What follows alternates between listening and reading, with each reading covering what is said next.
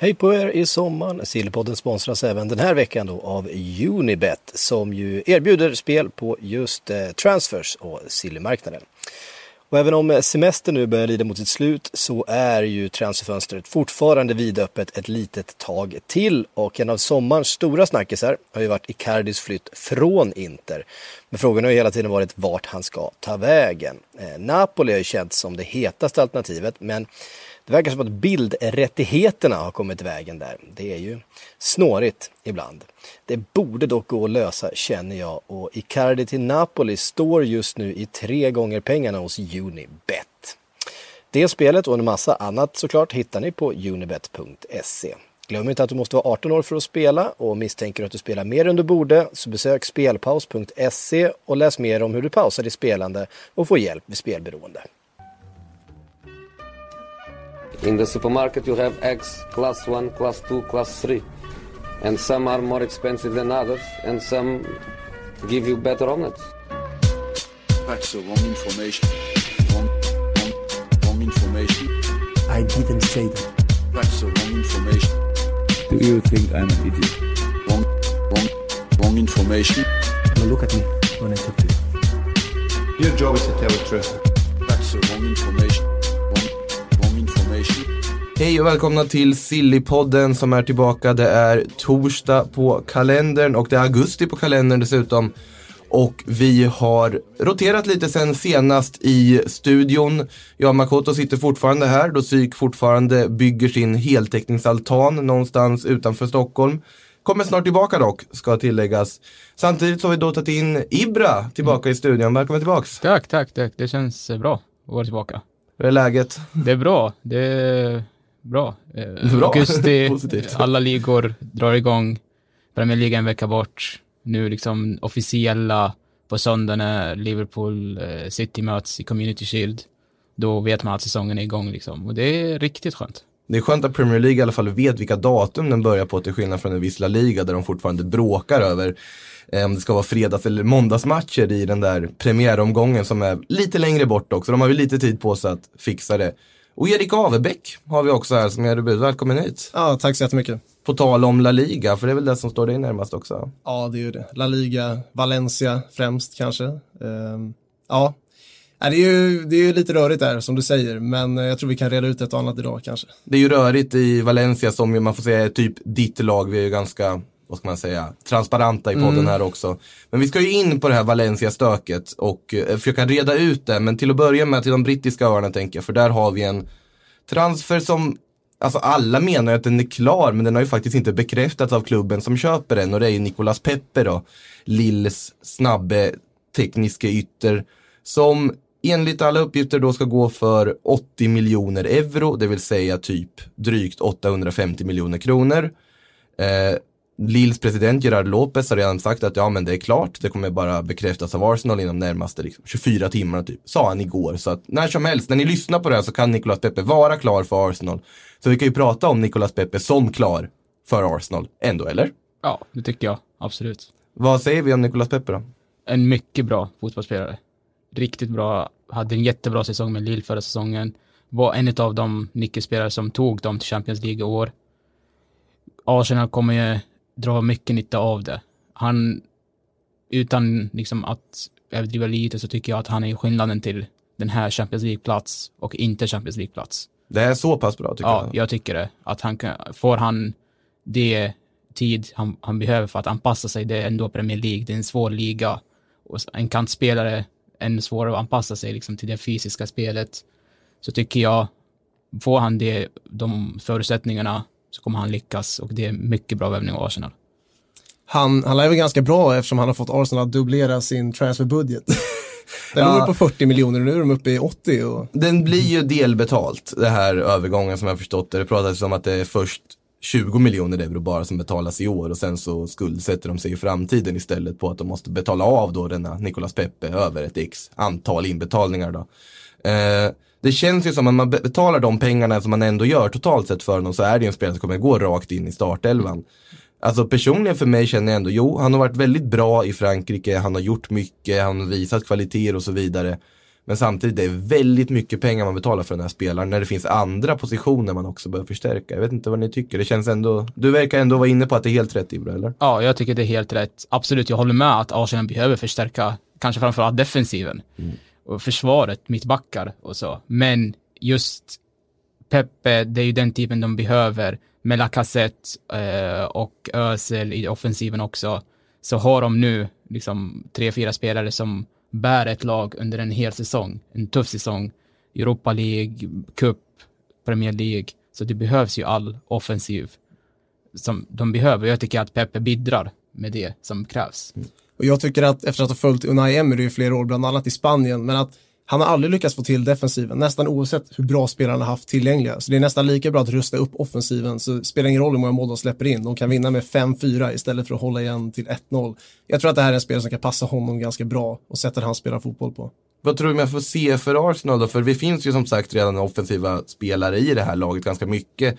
Vi har ju en Lacazette, Aubameyang, får väl man tänka att de kanske startar med Aubameyang som sorts ytterroll. Mesut Özils roll har vi ju också, man får fundera över hur, mycket, hur viktig kommer han vara för Arsenal nästa säsong, hur stor roll kommer han ha. Vi har ju dessutom också en Miktarian som väl kanske snarare då ses som något rotationskomplement ifall en Pepe kommer in. Men det känns väl som att det är Lacazette, Aubameyang, Pepe, Özil. Eller? Och där snackar vi mycket bra offensiv i Premier League. Alltså det är fyra väldigt duktiga spelare som kan göra skillnad i alla matcher. Det är riktigt bra offensiv.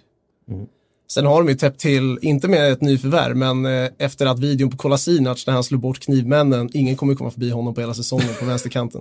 Han skulle bli kapten hörde jag att det fanns en sån här omröstning om. Det är ganska intressant att så fort någon, någon vevar på något sätt utanför plan så är det kaptensmaterial Ja. enligt den engelska pressen. Ja, det är fint. Eh, vi får ju se, det pratas ju om Tierney i och för sig där, också på vänsterback och det är också lite intressant. Kanske att han kan spela höger då, med. Jag vet inte, Bejerin finns ju där med skadan och så vidare. Så det finns ju positioner de måste förstärka på fortfarande. Men Peppe verkar ju onekligen vara på väg in.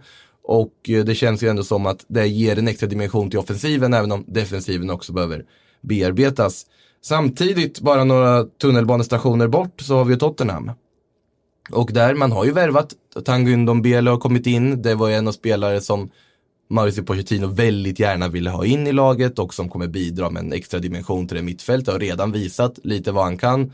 Samtidigt verkar ju inte Pochettino nöjd. Eh, för det var ju efter, när, vad heter det, Audi Cup-matchen mot Real Madrid här nu, där man vann med 1-0 i semifinalen. Gick vidare och vann också. Jag vet inte om det räknas som klubbens första trofé riktigt eller inte, men Lucas Mora gick ju ut och sa att det här är en trofé, äntligen har vi vunnit någonting. Det var ju kul att läsa den i morse, ja, Lucas Moras tweet, att eh, jag är glad för min titel med Tottenham. Li, lite jobbigt på ett sätt kanske. Eh, nu tror, tror jag att Tottenham har större chanser att vinna titlar än Arsenal faktiskt den här säsongen, måste jag ändå säga. Men samtidigt är inte Pochettino nöjd, för att han menar ju att, han får ju frågan då vilka är det som kommer in, kommer det värvas mer? Och han säger ju ganska rakt ut och enligt Daily Telegraph bland annat att det är inte jag som bestämmer. Jag vet ingenting om situationen för mina spelare, jag bara coachar dem. Och klubben kanske borde byta min titel för jag är inte någon manager utan jag är bara en tränare idag. Ganska mycket kritik där mot Levy ändå. jag, tycker, jag tyckte också att det var märkligt, liksom, att han går så öppet och säger att Ja, på indirekt sätt att han är missnöjd med transferfönstret liksom. Men jag förstår det också, alltså backlinjen, det, de har ju sålt Trippier. Och så har de, nu sitter de på ytterbackarna, absolut mittbackarna är bra, Vertongen och Elderweireld, jättebra. Eh, men ytterbackarna liksom, eh, ska de klara sig en hel säsong på Danny Rose som riktas också vara på väg bort. Och eh, Ben Davis, så har de eh, Aurea också. Sen finns ju, vad heter han, Kyle Walker Peters, det finns Precis. ju också en, eh, Danny Rose Peters på väg upp. Nej. nej inte riktigt, men en Foyt däremot, finns Ja. ju på högerbacken också.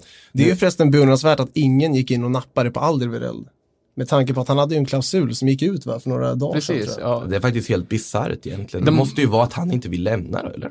Det måste ju vara. något märkligt med, för att han kostar ju 25 miljoner euro, hans utköpsklausul. Eller Då ja, kostade. för den har väl gått upp nu. Precis, Ja. eh, kostade då liksom. Mm. Och sen den har gått upp nu och ingen, vad jag, jag kanske har missat, men det har inte ens riktats liksom att någon klubb har lagt ett bud eller har varit intresserad av, av Det Alderweireld. var väl Roma som var lite inne i ryktesvängen där också när det pratades om att Tottenham ville ha Saniolo. Att man då skulle kunna använda Alderweireld som någon sorts liksom bytesfoder eh, på något sätt. Och Roma behövde ju en mittback också när Manolas drog till Napoli. Eh, vart ju inte så mycket mer av det. Alderweireld vet jag inte hur intresserad han var att gå till Roma ska också tilläggas. Men med tanke på att bara backa bandet ett halvår, ett år så var ju Manchester United helt galna i att försöka få in Toby Alderweireld för väldigt mycket större summor än det pratas om nu. José Mourinho drömde ju om honom när han var i United. I princip.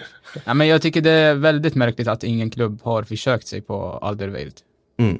Nej, det blir intressant att se. Han verkar ju bli kvar som sagt. Eh, frågan är ju högerbacken, eller nytterback känns ju ändå som de måste få in och jag vill ju kasta in Thomas Monier som ett alternativ. Det gör jag till väldigt många sammanhang för jag tycker han är väldigt bra.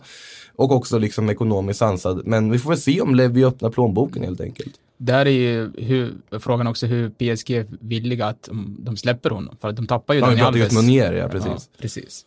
Om vi tittar på en annan spelare de verkar jaga så är det ju Lo Celso i eh, Betis. Sägs ju vara på väg dit. Nu, Har ju varit det hela sommaren. Jag är Ja. förvånad att det faktiskt inte har blivit klart med någonting där än. ja, det senaste verkar vara att eh, Betis är ju beredd att släppa honom för att ha råd att förstärka andra positioner. Men att Tottenham har inte närmat sig deras eh, Värdering av honom nu. Nej, precis. Och eh, nu börjar ju deadline närma sig för PL-klubbarna, så de hoppas väl att Tottenham ska hosta upp de här pengarna sista minuten nu. Får vi se vad som händer. Jag tycker det är lite, jag vet inte, att Premier Leagues fönster stänger redan nästa vecka. De har gjort om de senaste två åren. Mm. Förut var ju 31 augusti, precis som de andra ligor tror jag. Mm. Nu stänger det 8 augusti, det vill säga nästa vecka. Det är lite stressande kan man tycka. Men det är ju bara att börja göra er business i tid på något sätt kan jag känna. Anledningen till att man gjorde det här var ju också på något sätt att ja, men nu ska lagen ha sina trupper fastställda när säsongen börjar. Jag tycker jag är nog väldigt bra i det. Problemet är att du kan inte ha ett europeiskt fönster som gäller för alla ligor i och med att ligorna startar under olika perioder och det ger ju ett problem. Och både Serie A och La Liga sitter ju fortfarande på sina långa, alltså traditionella fönster så att säga. Även om deras ligor börjar innan då deras fönster stänger. Men det där Premier League-beslutet tycker jag är bra. Problemet är ju att klubbarna ändå sitter där sista dagen. I stil med hur de gjorde i Sunderland-dokumentären. Och bara, ja, vi har två dagar kvar, vi har sex positioner att fylla. Ja, vi åker till Scantorp och så tittar på en League 2-match typ. Eh, det känns som att vissa klubbar har ändå varit ute i tid och så vidare. Det går ju faktiskt nämna det att det är en klubb som spenderat mest av Premier League-klubbarna hittills i det här fönstret är väl Aston Villa har jag för mig va? Ja, det, det stämmer korrekt. Det, det är Aston Villa som har spenderat mest. De har spenderat runt 130 miljoner pund. Och det är ju nästan liksom, lika mycket som United City gjort tillsammans, den här fönstret. Och de är nykomlingar i Premier League. Det säger en del om hur kraftfull dels Championship är, som de kommer ifrån. Och, men också framförallt Premier League och de pengarna som finns där. Det är anmärkningsvärt, tycker jag, att en nykomling spenderar så mycket pengar i sin första säsong efter, efter uppflyttningen. Är det inte så att nykomlingarna i Premier League får lika mycket tv-pengar som de som vinner La Liga? Ja, Det någon- kan vara nästan så för det är otroligt mycket pengar. Det är ju tv-pengarna gör ju att de här Premier League bottenlagen också har otroliga kassakistor att gå ut i transferfönstret med och kan locka några av dem, alltså finare spelare från andra ligor. Absolut. Men intressant att titta, till exempel Aston Villa är ju inte så att, och de har ju värvat vissa från Premier League också, vissa för liksom överpriset, egen Tyrone Mings till exempel som kostade hutlöst mycket pengar tyckte jag sett till kvaliteten han har.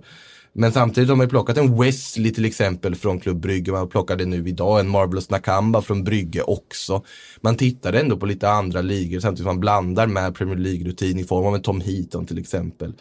Och det, det, det värvas mycket, frågan är, är det hur mycket kvalitet värvas och hur mycket kvantitet är det i det? För att eh, det blir intressant att se hur de ska få ihop det här, liksom alla de här spelarna. Ja, det, det är det. Det är mycket bra värvning tycker jag av Tom Heaton.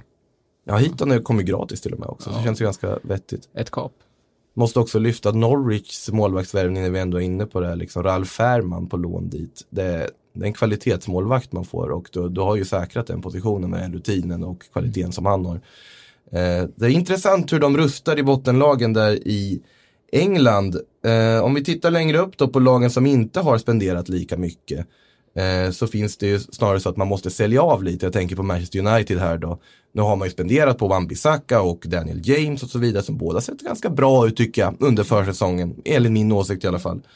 Eh, samtidigt måste man ju bli av med spelare. Romelu Lukaku är en av dem, var inte med när United mötte Kristiansund i träningsmatch nu i, vad blir det, tisdags va?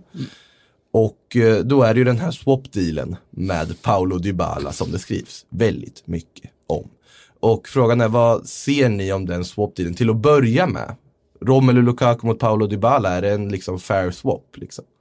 Jag tycker sett, först och främst när jag läste det först, så behövde jag läsa artikeln två, tre gånger för att verkligen förstå att det är Dybala det handlar om och de försöker byta sig bort.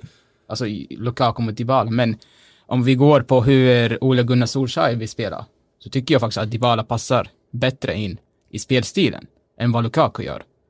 Det är ju teknisk spelare, boll, som vill ha boll mycket. Det är inte den här centeranfallen, den klassiska centeranfallen som ska stå i, i straffområdet och peta in bollarna. Det är, det är inte Solskjaers speltyp direkt. Utan han vill ju ha rörliga anfallare. Han vill ha den här Rashford-typen som löper bakom försvaret, som sl- sliter isär eh, mittbacken om ni förstår vad jag menar liksom. Och då tycker jag att det är, om det nu finns någon, någon sanning i det Ja, det verkar ändå ligga någonting i att det är på gång i alla fall. Åtminstone att Lukaku är av intresse för Juventus och att Dybala är av intresse för United. Vi kan ju lägga det där i alla fall. För att det, ligger ju, förlåt, Ja, det, det ligger ju Inter också, som en tredje part där. Inter har ju varit intresserade av Lukaku under hela sommaren. Ja. Så nu kommer Juventus in i bilden helt plötsligt. Sista, sista veckan och, nej, vi kan ge er Dybala om, om, vi, om vi tar in Lukaku. Plus 30 miljoner pund, eller 30 miljoner euro, som United skulle betala också. Mm, Mm, nej men som du säger, det är, det är ju totalt två helt olika spelartyper det handlar om och det måste handla om att Solskär har insett att Lukaku är inte den typen jag behöver i min startelva. För jag vägrar tro att Lukaku har blivit en dålig spelare helt plötsligt. Det är, det är helt omöjligt. Eh, han har hamnat i en destruktiv miljö som han måste lämna känns det som för hans eget bästa också.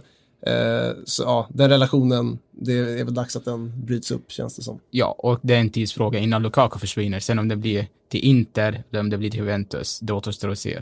Han sitter ju med sin agent, tränar inte med United i princip.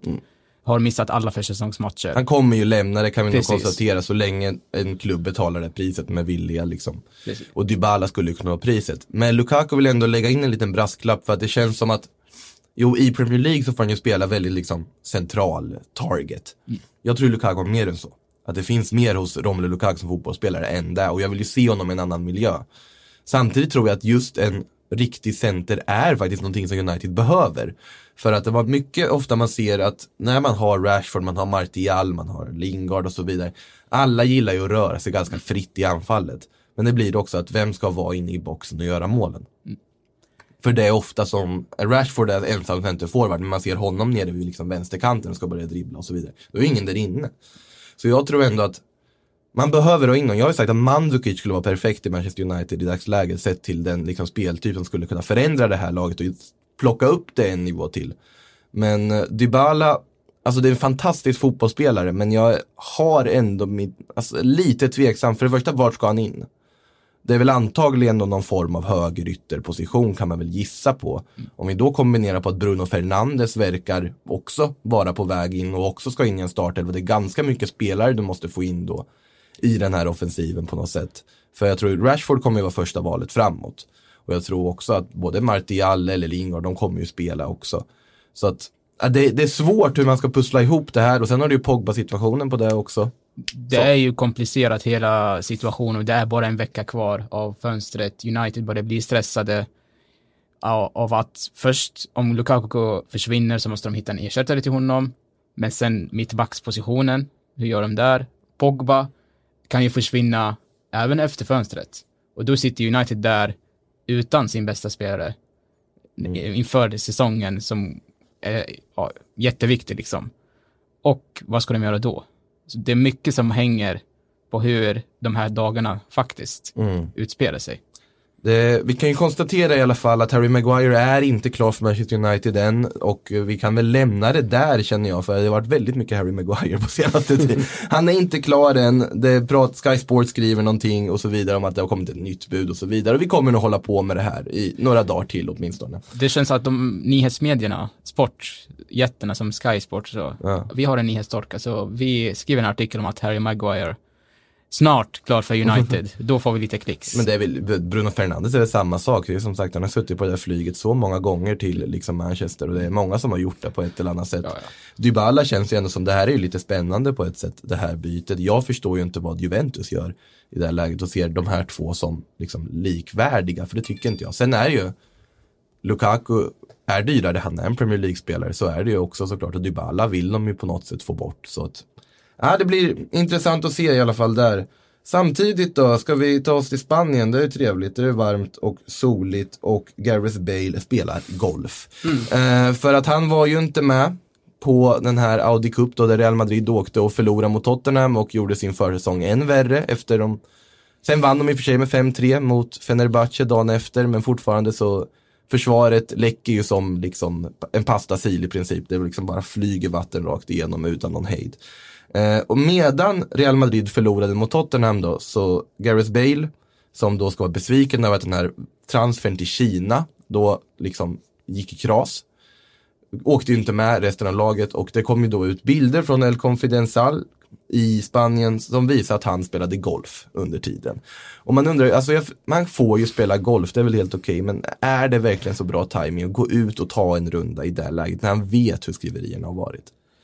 Uh, uh, timingen är väl inte den bästa riktigt, men hela den här situationen har ju blivit en sån soppa. Det känns Ja. som att ingen vet vad de ska göra med varandra och ja, Bale sitter ju där och njuter av sin monsterlön eh, och känner inte att han behöver flytta på sig kanske eh, om, om han verkligen inte skulle hitta en ny bra klubb. Men Real Madrid är ju desperata och både öppna upp eh, lönebudgeten, få in pengar i transferkistan och lösa upp hans tröjnummer dessutom, för där har de ju också en alldeles för fullstoppad trupp just nu. Ja, tröjnummerfrågan är faktiskt intressant där, för Eden Hazard spelar fortfarande med nummer 50.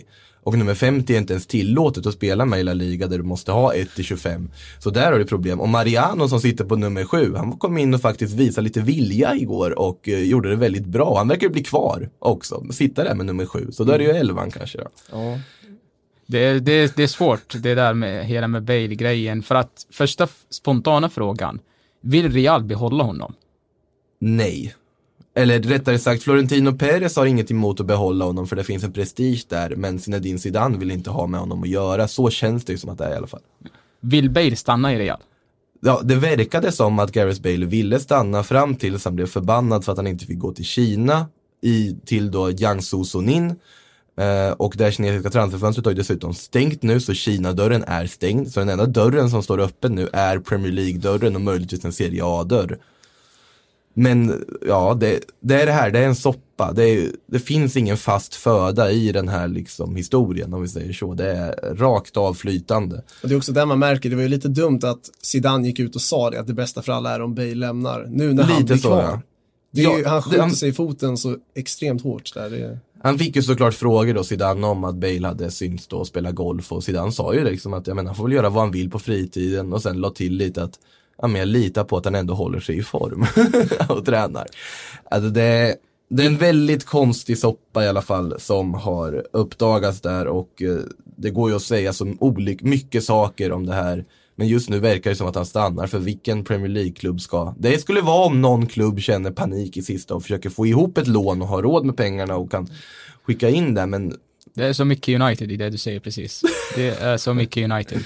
och när Dybala Lukaku-dealen bara går i kras och man ska snabbt bli av med honom på något sätt och så. Ja. United brukar ju spela golf oftare, alltså spelarna. Med? Giggs och de, uh, Phil Neville och de här gamla legendarer.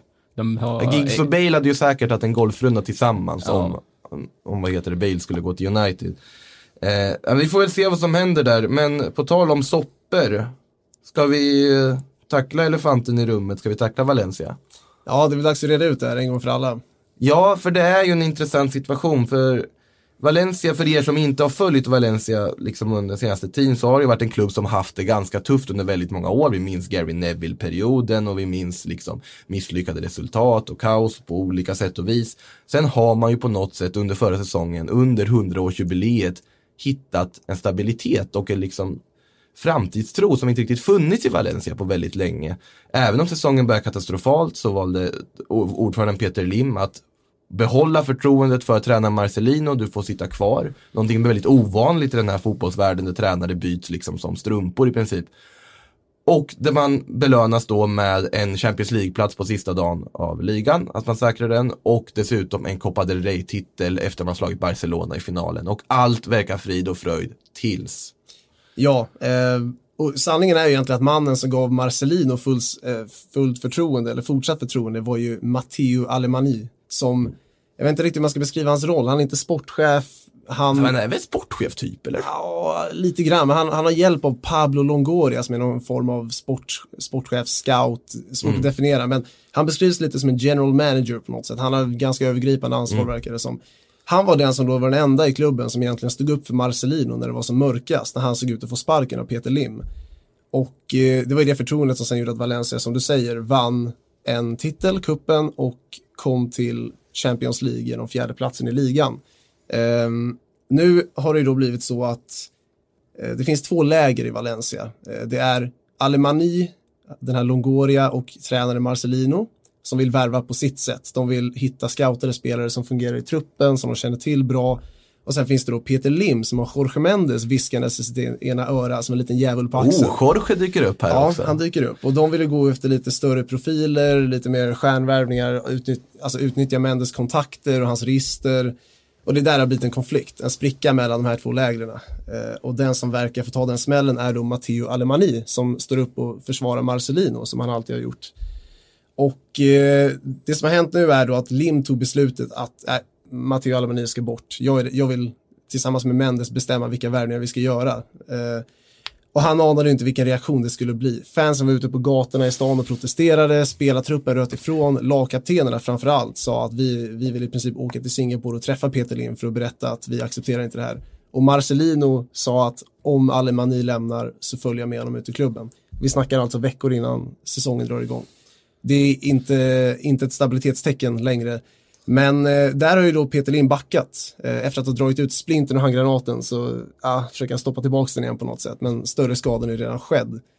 Eh, och nu verkar det som att, om man ser det från Marcelinos perspektiv, att Alemani var den enda som skyddade honom när han var i klistret. Om han försvinner nu, så hela hans sköld och liksom trygga arbetsmiljö, ja den är inte säker längre.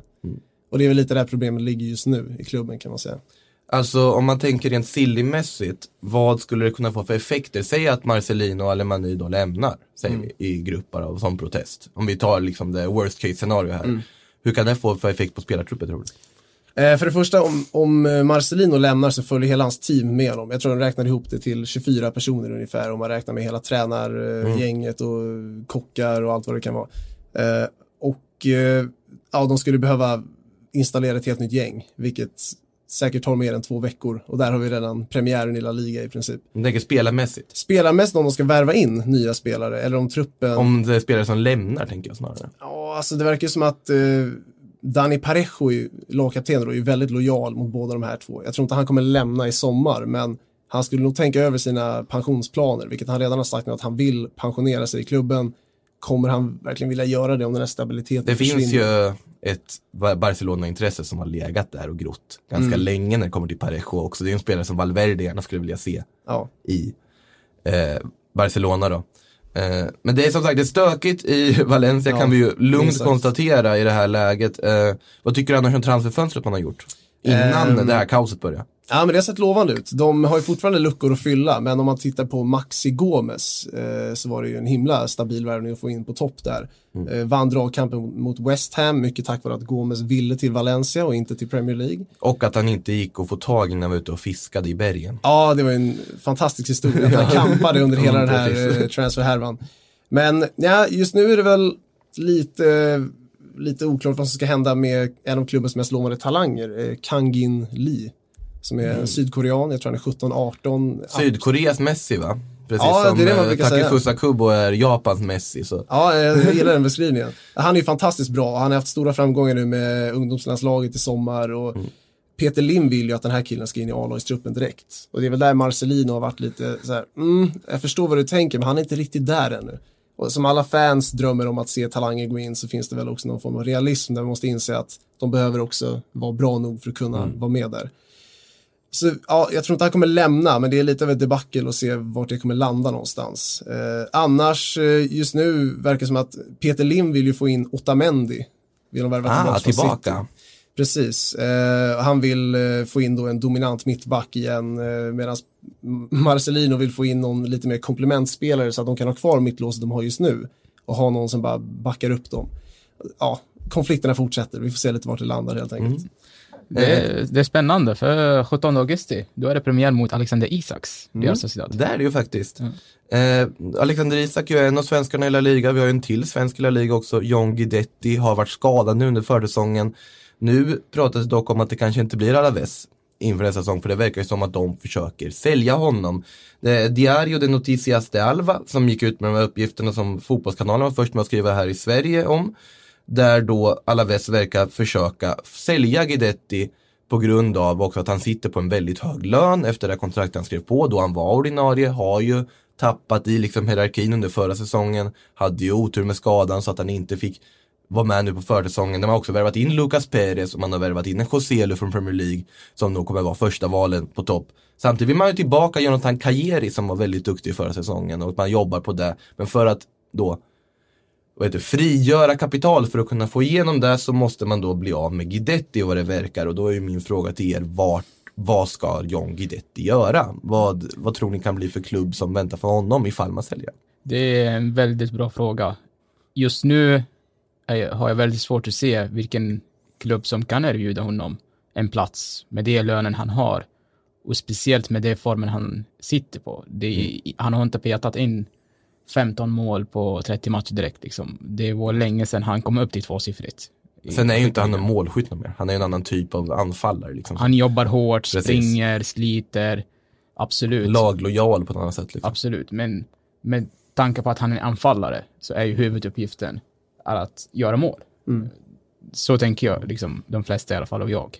Eh, men jag har väldigt svårt att se, men ett bra steg, Turkiet till honom, Det var pratades om Galatasaray, gjorde det inte det för, förra vintern om jag inte minns helt hade varit ett, bra steg. Absolut inte hans kanske nivå som han vill spela i, men ta ett steg tillbaka, inte börja om på det sättet, men eh, försöka bara få upp självförtroendet, göra mål, det är det som är viktigt. Spela bra och framförallt spela matcher. Få minuter i kroppen. Sen kan man snacka om Spanien, Premier League eller Serie A eller Frankrike. Eller Sen är han ju inte, alltså han är inte purugna mer heller, ska ju tilläggas. Nej. Det är ju inte så här, man tänker ju John Guidetti som, ja men han måste få speltid för att kunna utvecklas vidare, men han har ju kommit upp i åren. Liksom. Ja, det är ju inte läge att gå tillbaka till Holland och försöka åter, vad ska man säga, återfinna karriären. För att han är ju inte gam, han är ju äldre än vad han var på den tiden. Ja. Det är lite för sent att ta det steget. Men jag vet inte, vi ska ha någon s- speltid tycker man ju, men jag skulle ku- vilja se någon lite, om han skulle kliva in i Premier League, kanske bli backup i något lag, jag vet inte, tar Bournemouth, slänger ut dem från ingenstans. vad tror ni? Skulle det funka? Bournemouth är väl i och för sig svårt att se just, men eh, alltså absolut om en Premier League-klubb skulle vara intresserad, men då tror jag snarare att vi pratar Championship. Ja, alltså idag, tror jag ärligt Det är talat. nog rimligare med Men Championships pengar så har de absolut råd att ta in en John Guidetti. Sen Ja. är frågan, skulle vi intresserad skulle han vara och gå dit? Liksom. Mm. Eh, men vi får se vad som händer med honom. Eh, samtidigt har vi andra anfallare i Italien. Så tycker vi ska ta upp de här också. För Wolverhampton har ju värvat Patrick Cutrone från Milan. Eh, egen produkt i Milan, en av de sista liksom bandeljärerna i det här Milan som är liksom riktig milanista från grunden. Som nu lämnar till Wolverhampton, något som många Milan-supportrar är ganska besvikna över. Eh, samtidigt har vi ju då, och den affären är klar ska tilläggas, väldigt bra affär av Wolverhampton. Klokt och eh, spännande fortsatt det där bygget de håller på med där i det orangeklädda laget. Och eh, Everton samtidigt ryktas ju vara oerhört nära en Moise Keane från Juventus och den förvånade ju mig väldigt mycket. Vad, vad känner ni Moise Keane till Everton? Jag blev också jätteförvånad över det. Med tanke på hur hans säsongsavslutning var i Juventus. När han gjorde mål, gjorde assist, spelade matcher. Sen helt plötsligt kommer att han ska flytta därifrån och han är så, så pass ung. Färsk liksom produkt, om man säger så. Tyckte jag att det var riktigt förvånande, men när jag började tänka på det mer och mer, då måste Juventus ha insett något i honom. För att det handlar inte om ett lån, utan nu säljer de honom för de pengarna det, det är inte liksom att de lånar in, eller de lå- lånar ut honom sen, ja men du kom tillbaka efter ett år för att du ska få mer speltid och så. Utan det här är försäljning, nu går det bort. Då, enda rimliga anledningen till att jag ser den här försäljningen, det är att Juventus måste ha sett något i honom. De, så att de, nej, det, han kommer inte komma långt i karriären. De har ingen klausul för att kunna få tillbaka honom. Ja, det, Det är, det är svårt att se det när det pratas om de summorna det har gjort. Det pratas ju ändå om liksom, eh, mellan 300-400 miljoner kronor. Det blir en väldigt hög klausul på det i sånt fall. Eh, men det känns ju som att man sitter ju i ett läge i Juventus där du har ganska mycket anfallsalternativ du inte har blivit av med. Du har ju en Gonzalo Higuain i truppen fortfarande till exempel. Nu ska man ju ändå få in en Lukaku av någon anledning.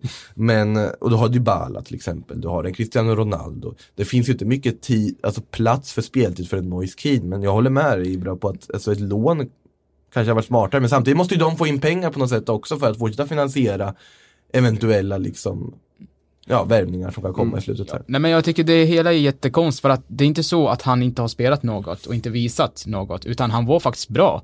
De sista, sen de åkte ut mot Ajax och säsongen var i princip kört. Är en jättetalang. Precis, och gjorde sina mål, gjorde sina matcher, var ja, en av de hetaste kanske i Europa, talangerna liksom då, under eh, april, maj och så. Och så nu att han helt plötsligt, nej nu är han på väg till Everton på försäljning, det tycker jag är märkligt. Eh, med det ska vi gå vidare till lite läsarfrågor, eller rättare sagt läsarkommentarer. För jag frågar ju här, vad ska vi prata om? Och det betyder att vi inte alltid får frågor, utan bara namn ibland. Och vissa av de här namnen har vi ju redan avverkat. Moise Kean skriver ju Andreas Ekstrand där, och det har vi precis pratat om, till exempel då. Eh, men här har vi en fråga från Giovanni, eller tre frågor rättare sagt. Eh, hur ska Barca ställa upp med alla dessa anfallare är första frågan och då får man räkna Griezmann och jag gissar på att han tänker att Neymar också ska komma in. Då får vi ju se hur det ligger till i det sammanhanget. Sport gick ut idag och skrev att Neymar tänker inte spela en minut till i Paris-tröjan. Och att han sitter och väntar på att Barcelona ska lägga ett nytt bud då. Vi får ju se hur det går med den soppan. Eh, ja, Barca, hur de ska ställa upp. Det känns som att Griezmann, Suarez, Messi kommer ju vara det framme i alla fall. Ja, Det kan vi konstatera. Och sen mittfältskonstellationen beror väl helt på om Rakitic är kvar eller inte. Ja, lite så. Jag menar, det, just den här fronttrion, för att just gå till frågan. Eh, ja, det hänger väl lite på om Neymar kommer in såklart. Vem kommer de då bänka? Eh, eller självklart kommer ju Neymar spela. Men det blir väl Griezmann, eh, Suarez som får kämpa om mittenplatsen. Alternativt att det blir någon sorts formationsförändring. Man lägger Suarez topp, Griezmann, Neymar varsin kant, Messi i någon sorts fri roll. Han är ändå nere och hämtar boll i defensivt mittfält, så han kan väl lika gärna spela där då.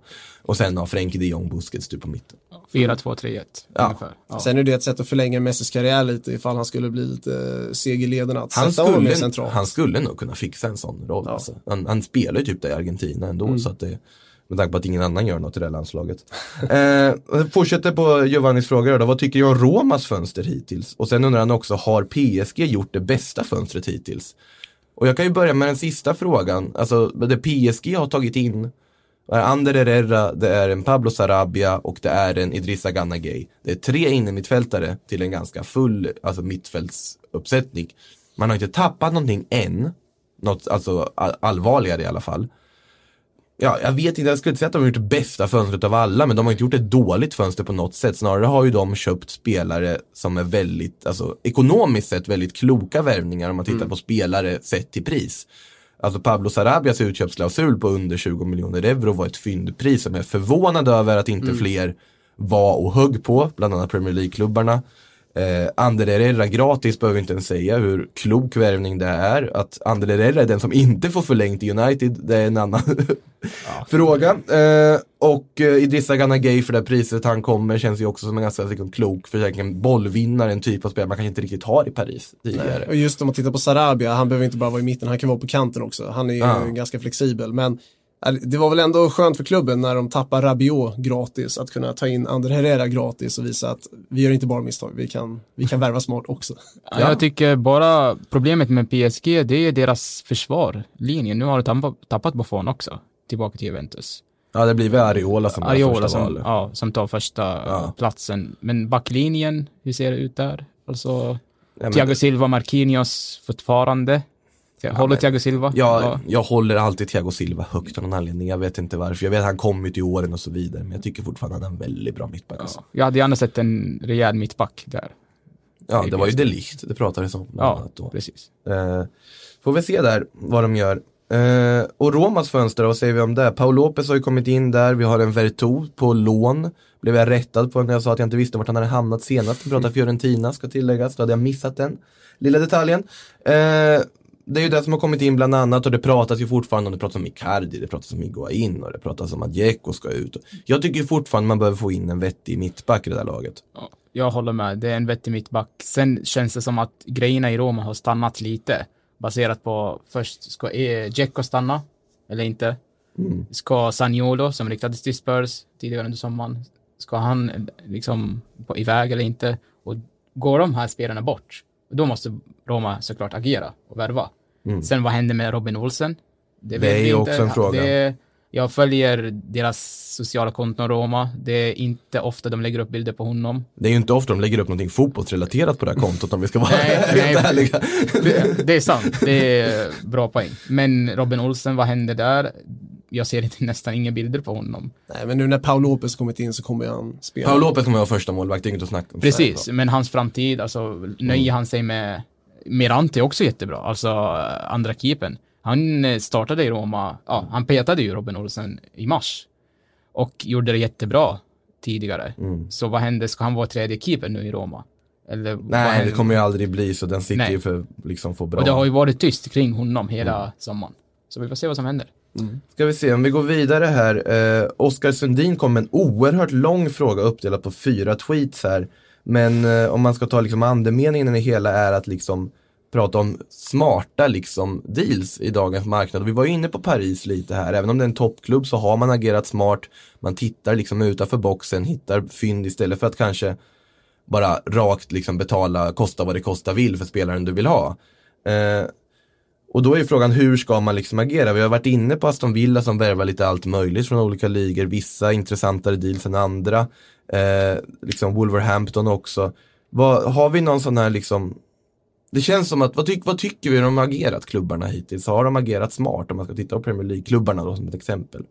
Jag tycker de har agerat smart. Om vi tar uh, City, Manchester City till exempel, agerat jättesmart. Rodri. Det, är ju princip- också, det är också stora summor, nu tänker jag snarare liksom längre ner i hierarkin. Om vi tittar på mittenlagen som inte har lika mycket att jobba med. Vad liksom, för ofta man ser Premier League är just klubbar som betalar överpriser för varandra spelare. Och det är väldigt sällan man tittar utanför boxen och tittar utanför liksom de brittiska öarna. Generellt sett med, med vissa undantag såklart så är ju fortfarande Spanien och Frankrike de två ligorna som det känns som att det går att fynda bäst i. Tittar man som du sa, Sarabia innan som hade en eh, orimlig utköpsklausul i, med tanke på hur bra han är. Eh, och så kan man titta på eh, vilka övergångar som sker även inom de ligorna, att det är fortfarande klubbar som fyndar mycket där.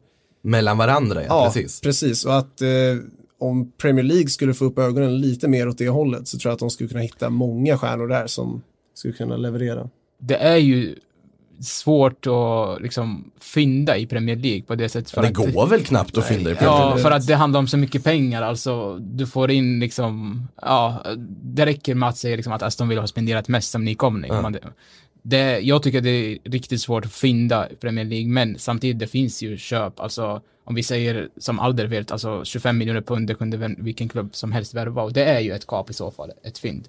Om, nu, om någon nu skulle ha agerat. Ja, det känns ju som att till och med i Championship är det ju svårt att fynda idag. Alltså för det finns så mycket pengar där. Jag vet att när eh, Bournemouth tog in Lloyd Kelly nu under det här fönstret från Bristol City. Jätteintressant ung engelsk back som liksom spelat i eh, ungdomslandslagen och så vidare.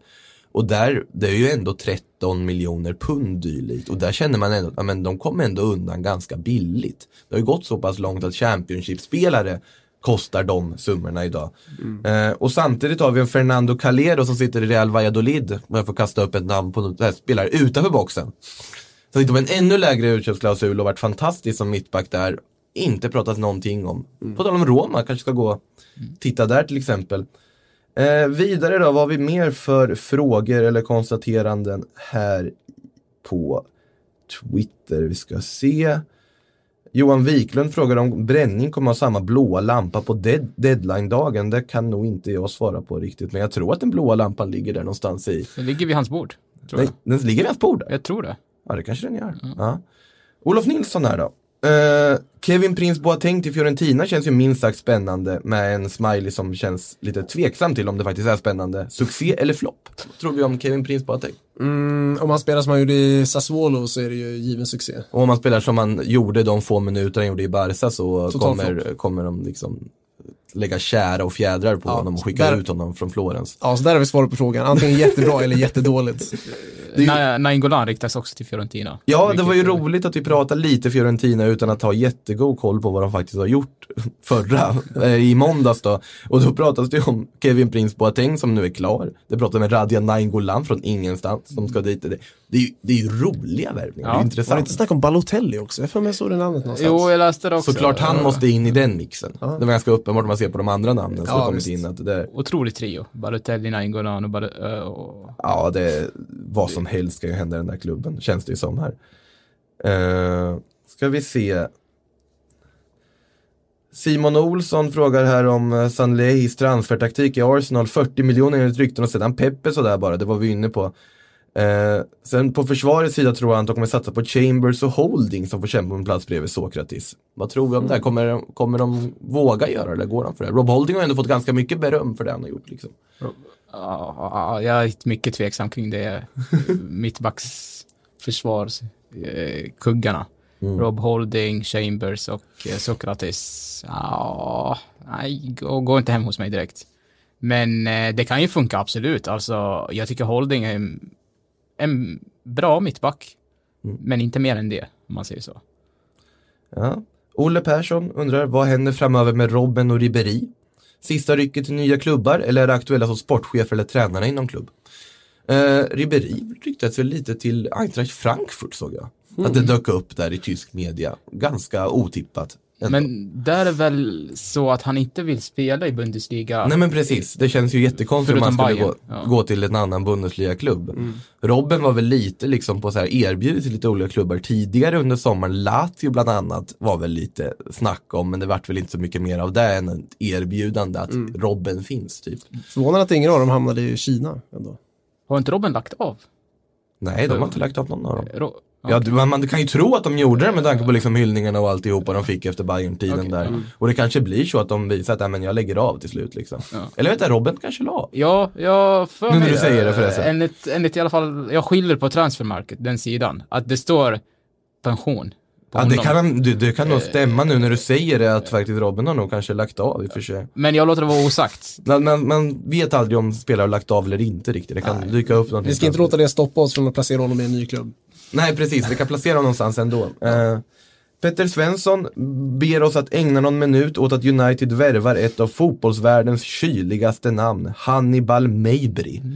16 år från Monaco. Ja, det är väl en- någon fransk, eh, Le Parisien var det som skrev där väl att Mejbri var på gång in. Och det känns ju inte som någon som kommer gå in och förändra i A-lagstruppen redan nu, men det, det är ett fint namn. Jag blir alltid förvånad över när, man, när de drar på stora växlar och sådana där värvningar. För det är ju inte en chans att han kommer medverka i A-truppen direkt. Nej. Nia Scott McTominay. Ja, kanske Scott det. McTominay har varit bra tycker jag. Ja, jag tycker också. Han, är- Alltså- han är duktig. Måste jag faktiskt säga. Eh, vidare här då. Eh, Daniel Shadabi. Real i kris innan säsongen ens dragit igång. Zidane skrek sig hes om att stora förändringar skulle ske. Nu har man värvat 300 miljoner, men enbart, alltså euro då, men enbart en spelare kommer in i startelvan. I övrigt samma elva som tidigare. Det är långt ifrån tillräckligt, men får vi se fler värvningar? Eh, ja, alltså grejen som jag tycker är så intressant med hela det här om Real Madrid är att alla bara liksom jublade och sa att man var, var bra att man liksom värvar och så vidare. I början av sommaren innan försäsongsmatcherna började, sen har det varit lite skrala resultat och nu är det, men värvar ju bara en spelare till startelvan och han är överviktig och eh, det är, alltså Real Madrid-fans är så gnälliga. alltså, förlåt, men, men det är på något sätt, att man, ja det ser fruktansvärt ut, men samtidigt så blir det på något sätt så att, ja det är fortfarande försäsong, det finns jättealarmerande tecken, men man har ändå värvat in spelare som ska ge konkurrens. Nu är ju de flesta av nyförvärven skadade dessutom. Eder Militao har inte kommit igång och fått spela ens efter Copa America och så vidare. Så jag tror ändå man ska sitta relativt lugnt i båten. Sen är det väl en mittfältare som möjligtvis ska in på ett eller annat sätt. Eh, ja, Sitter det- här och ler borta här Ibra. Nej men jag, jag, jag tycker att fotbollssupportrar eh, rent generellt drar alldeles för mycket eh, liksom, slutsatser kring försäsongsmatcher. Det är, jag tycker inte det. Alltså, det är sällan jag drar, oj, han var den spelaren jättebra och så. Det är en försäsongsmatch, det gäller bara att få minuter i kroppen. Men på tal om mittfältare som Real behöver, ja, det, är- det är det, är det Pogba.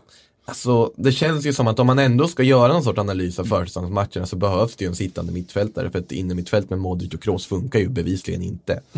Eh, om de inte, sen är det ju också så, man ska tillägga, att om de kan se loja ut under ett helt år liksom i tävlingsmatchen, så klart de ser loja ut under International Champions Cup. Men samtidigt så det skulle ju vara ett nytt Real Madrid, men det har man ju inte riktigt sett skymten av än. Sen tror jag att man ska nog ändå hålla sig lugn. Man ska vänta på att liksom såga hela transferfönstret tills det börjar se dåligt ut även i ligaspelet. Men där undrar jag också, hur tänker klubbledningen när de värvar så stort utan att ha planer på vilka de ska släppa? Det känns som att nu sitter de inne på eh, sån överflöd och det är alltid lättare att få in spelare än vad det blir av med dem i slutändan. Ja, idag är det ju det. Ja. Det är det som är det sjuka och ja, det är faktiskt där snarare man kan ifrågasätta att varför har man inte sålt. Mm. Eh, Hannes Salström frågar varför har det inte florerat mer rykten kring van de Beek denna sommar? Bra ålder med en högklassig säsong i ryggen, han borde rimligtvis vara het på marknaden. Ja, kan jag väl tycka, eller? Ja, Absolut. Det känns ju som en sån här spelare som någon som måste vänta in lite vad som händer med en typ en Pogba, vad som händer med en Eriksen. Och lite sådär. En, en Dombele behövde de ju vänta på tidigare också kanske, som nu ändå har gått i Spurs och så vidare.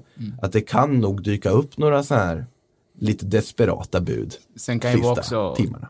klokt att stanna liksom, och inte ta, oj nu flyttar jag direkt här. Efter en bra säsong så flyttar jag och så blir det Mm. Hur som helst i den nya klubben och så går man tillbaka till, eh, liksom, det är klokt tycker jag. Ja, men det är samtidigt kul när sådana egenfostrade spelare väljer att stanna. Om han nu har haft alternativ att gå till en annan klubb, att han ändå blir kvar i Ajax. Det är någonting jag verkligen gillar. Och, Det tror jag i och eh, för sig inte han blir. Nej, du tror han lämnar innan fönstret stänger? Jag tror att det kommer att komma, för det, det, jag fick en fråga här, potentiella deadline day bomber och där Ja. vill jag slänga in van de Beek som en möjlig bomb som kan dyka upp sista sekund.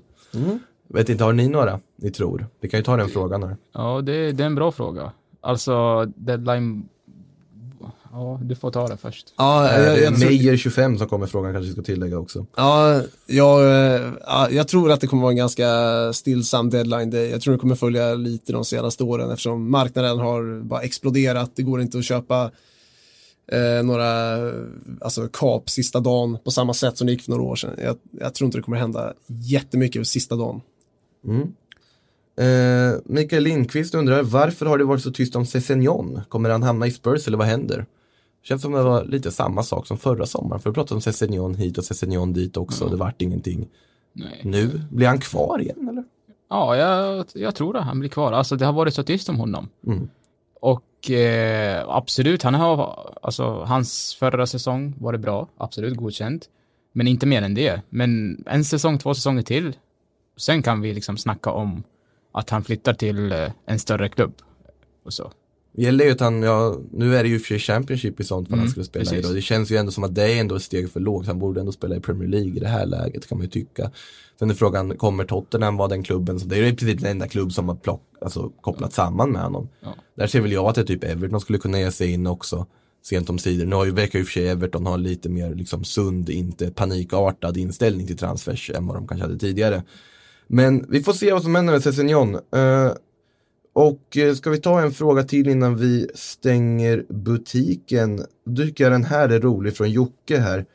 Välj ut tre spelare som ni, ni tror kommer floppa rejält i deras nya klubbar. Så börjar, slutar vi på moll. Det tycker jag känns helt rätt här. Ibra, börjar du? Ja. ja, nu är det spelare som är klara först och främst i sina klubbar. Eller kan vara, alltså, Det är upp, även... du, du får tolka frågan helt hur du vill. Ja, då tänker jag så här. Så får vi höras i maj igen och, om jag har rätt eller inte. Sebastian Haller i West Ham. Tror Flopp jag- alltså? Ja, tror jag inte på. Okej. Eh, jag tror inte på Harry Maguire United. Och jag tror den sista. Eh, du får ta den du. Ja, fast först så vill jag nästan ha en förklaring på både Haller och Maguire. För det känns ju snarare som värvningar som kommer lyckas. Ja, det, det tycker inte jag. Sebastian Haller tycker jag är... Vi har sett de här klassiska spelarna som kommer liksom, som har haft en jättebra säsong innan. Sen flyttar de till Premier League. Ett exempel är kanske Falcao. Radamel Falcao. Han har haft en jättebra säsong till, liksom, innan han flyttade till, på, delvis skadad såklart, men var en jättebra fotbollsspelare. Sebastian Haller också hade, hade en jättebra säsong med Frankfurt förra säsongen. Och var i skuggan, och, eller hamnade i skuggan av Jovic. Eh, Men han var minst lika viktig för laget. Men i West Ham tror jag inte på för att det är en tuffare liga. Det är ett lag som kommer så här, som kommer inte vara spelförande eh, som liksom spelförande i många matcher och så. Det tror jag inte. Ja, Där Därför- tror jag ändå snarare, alltså nu ska man ju inte bedöma för mycket av försäsongen, men vet, vi kan ta in Ulf Bergs fråga här samtidigt, eller konstaterande att West Hams bägge nyförvärv, Fornals och Haller, gjorde bägge mål idag. Haller dessutom två assist och Fornals dominerade. Eh, nu som sagt, försäsong ska man inte bedöma för mycket på, men jag tror att ett Pellegrini-styrt West Ham ändå kommer vara alltså, relativt spelförande. Och det känns ändå som att Haller, personligen, nu jag ser ju tvärtom att Haller blir en succé. Ja, det, det får det vi... Ja, det, det blir jätteintressant att se. Men jag, jag, som sagt, alltså, jag tror inte på honom att... Mm. Sen vad är det flopp? Alltså, hur kan vi sätta gränsen på till en flopp? Alltså, Ja men det är, det är också en, alltså sett till priset som man betalar för Haller så krävs det ändå ganska mycket av honom för att liksom anse honom som en succévärvning om vi säger så. ja, precis. Det, det som talar emot honom är väl lite att West Ham har ju haft lite med förbannelse vid sina anfallare tidigare. Arnautovic kanske bröt den, men eh, ja, jag gissar att det kanske är den du sniffar att den är på väg tillbaks nu. Tror vi, får, vi får se, vi Ja. får se. Men sen tror jag att Daniel James kommer floppa i United. Tokflopp. Ja, ja det, det, det är svårt. Det, Ja, det är lätt. det, är- det är svårt. Alltså sen är också frågan, vad skulle man anse vara en flopp för Daniel James? Liksom? Han är 21 år, alltså kostar 15 miljoner pund. Har, jag tycker inte att han ska ha så mycket press på sig. Nej, jag tycker faktiskt Spelar. han har sett bra ut. Alltså jag tycker att det finns, han har ju den här speeden men jag märker på honom att han har också en helt annan typ liksom så här arbetsvilja och ganska mycket inblandad i det som United gör. Jag tycker, det, det är lite oslipat med bolltouchen och så vidare då och då men jag tycker ändå det finns något. Ja, absolut. Det, det, det tycker jag med. Jag tycker inte att han kommer vara en flopp. Nej, jag tror att det, det finns mycket snabbhet där, men jag tror att därefter tar det stopp. Dina? Ja, mina floppar, alltså jag, det första som kom upp i mitt huvud var faktiskt Eden Hazard, men det är ju bara baserat på vad man har sett av han hittills. Eh, nu tror inte jag att Eden Hazard kommer bli en sån flopp, men det finns ju såklart en otrolig varningsflagg på den. Eh, annars då, jag vill ju faktiskt säga att Maxi Gomez inte kommer vara så lyckad i Valencia. Det säger jag inte bara för att du är Erik, utan för att jag tycker ändå att han är, har varit relativt överskattad Okej. i Celta och jag tror att där, kan, där finns det en viss flopppotential hos i alla fall. Eh, om vi tittar till exempel Premier League då. Ja, lite varningsflagg på Peppe ändå. Tycker Mm, jag. det är jag, sant. Den, jag tycker ändå det finns en viss varningsflagg på den värvningen. Eh, det är såklart en bra spelare, han har visat jätteduktiga kvaliteter, men jag vill ändå höja en viss varningsflagg på, på Nicolas Peppe. mm, den summan är ju brutal. Jag tror inte heller Ja, men oavsett summa eller inte liksom i hur mycket han kommer kunna förändra Arsenal och liksom bidra till. Jag, jag kan sitta här och ha tokfel nu. Jag mycket väl kommer jag sitta här och ha tokfel och få äta upp det här. Men Frågan är, hänger det främst på honom eller hänger det på tränaren de har? Ja, alltså både och. Ja. Skulle väl jag säga. Unai Emery känns också som en tränare som jag inte har superförtroende för kan göra ett lag till liksom, åtminstone ett vinnande lag i alla fall. Det jag vill bara lyfta fram kring Pepe, därför tror jag att det kommer gå bra för honom. Det är Arsenals offensiv som kommer hjälpa honom att liksom de andra duktiga spelare finns där också. Och han, jag tycker att han kommer passa in sett till de hur vill spela offensiv fotboll. Därför tycker jag att han kommer vara, men det är absolut som du säger, jag kan ha jättefel, vilket förmodligen jag kommer få. Och jag vill ju också lägga upp varningen på en Dybala i det här sammanhanget om man skulle gå till United också, ska tilläggas. Eh, efter att ha gett ut oss på de här otroligt djupa vattnen där vi egentligen bara har ingenting att vinna utan allt att förlora känns det som, så kan vi väl sätta punkt för det här avsnittet. Vi Yes. ses snart igen. Wrong information. I didn't say that. Do you think I'm an idiot? Wrong, wrong, wrong information. Now look at me when I talk to you. Your job is to tell the truth. That's the wrong information. Wrong, wrong information. I'm not going to have you twisting everything I say. Twist, twist, twisting everything I say. So make that clear.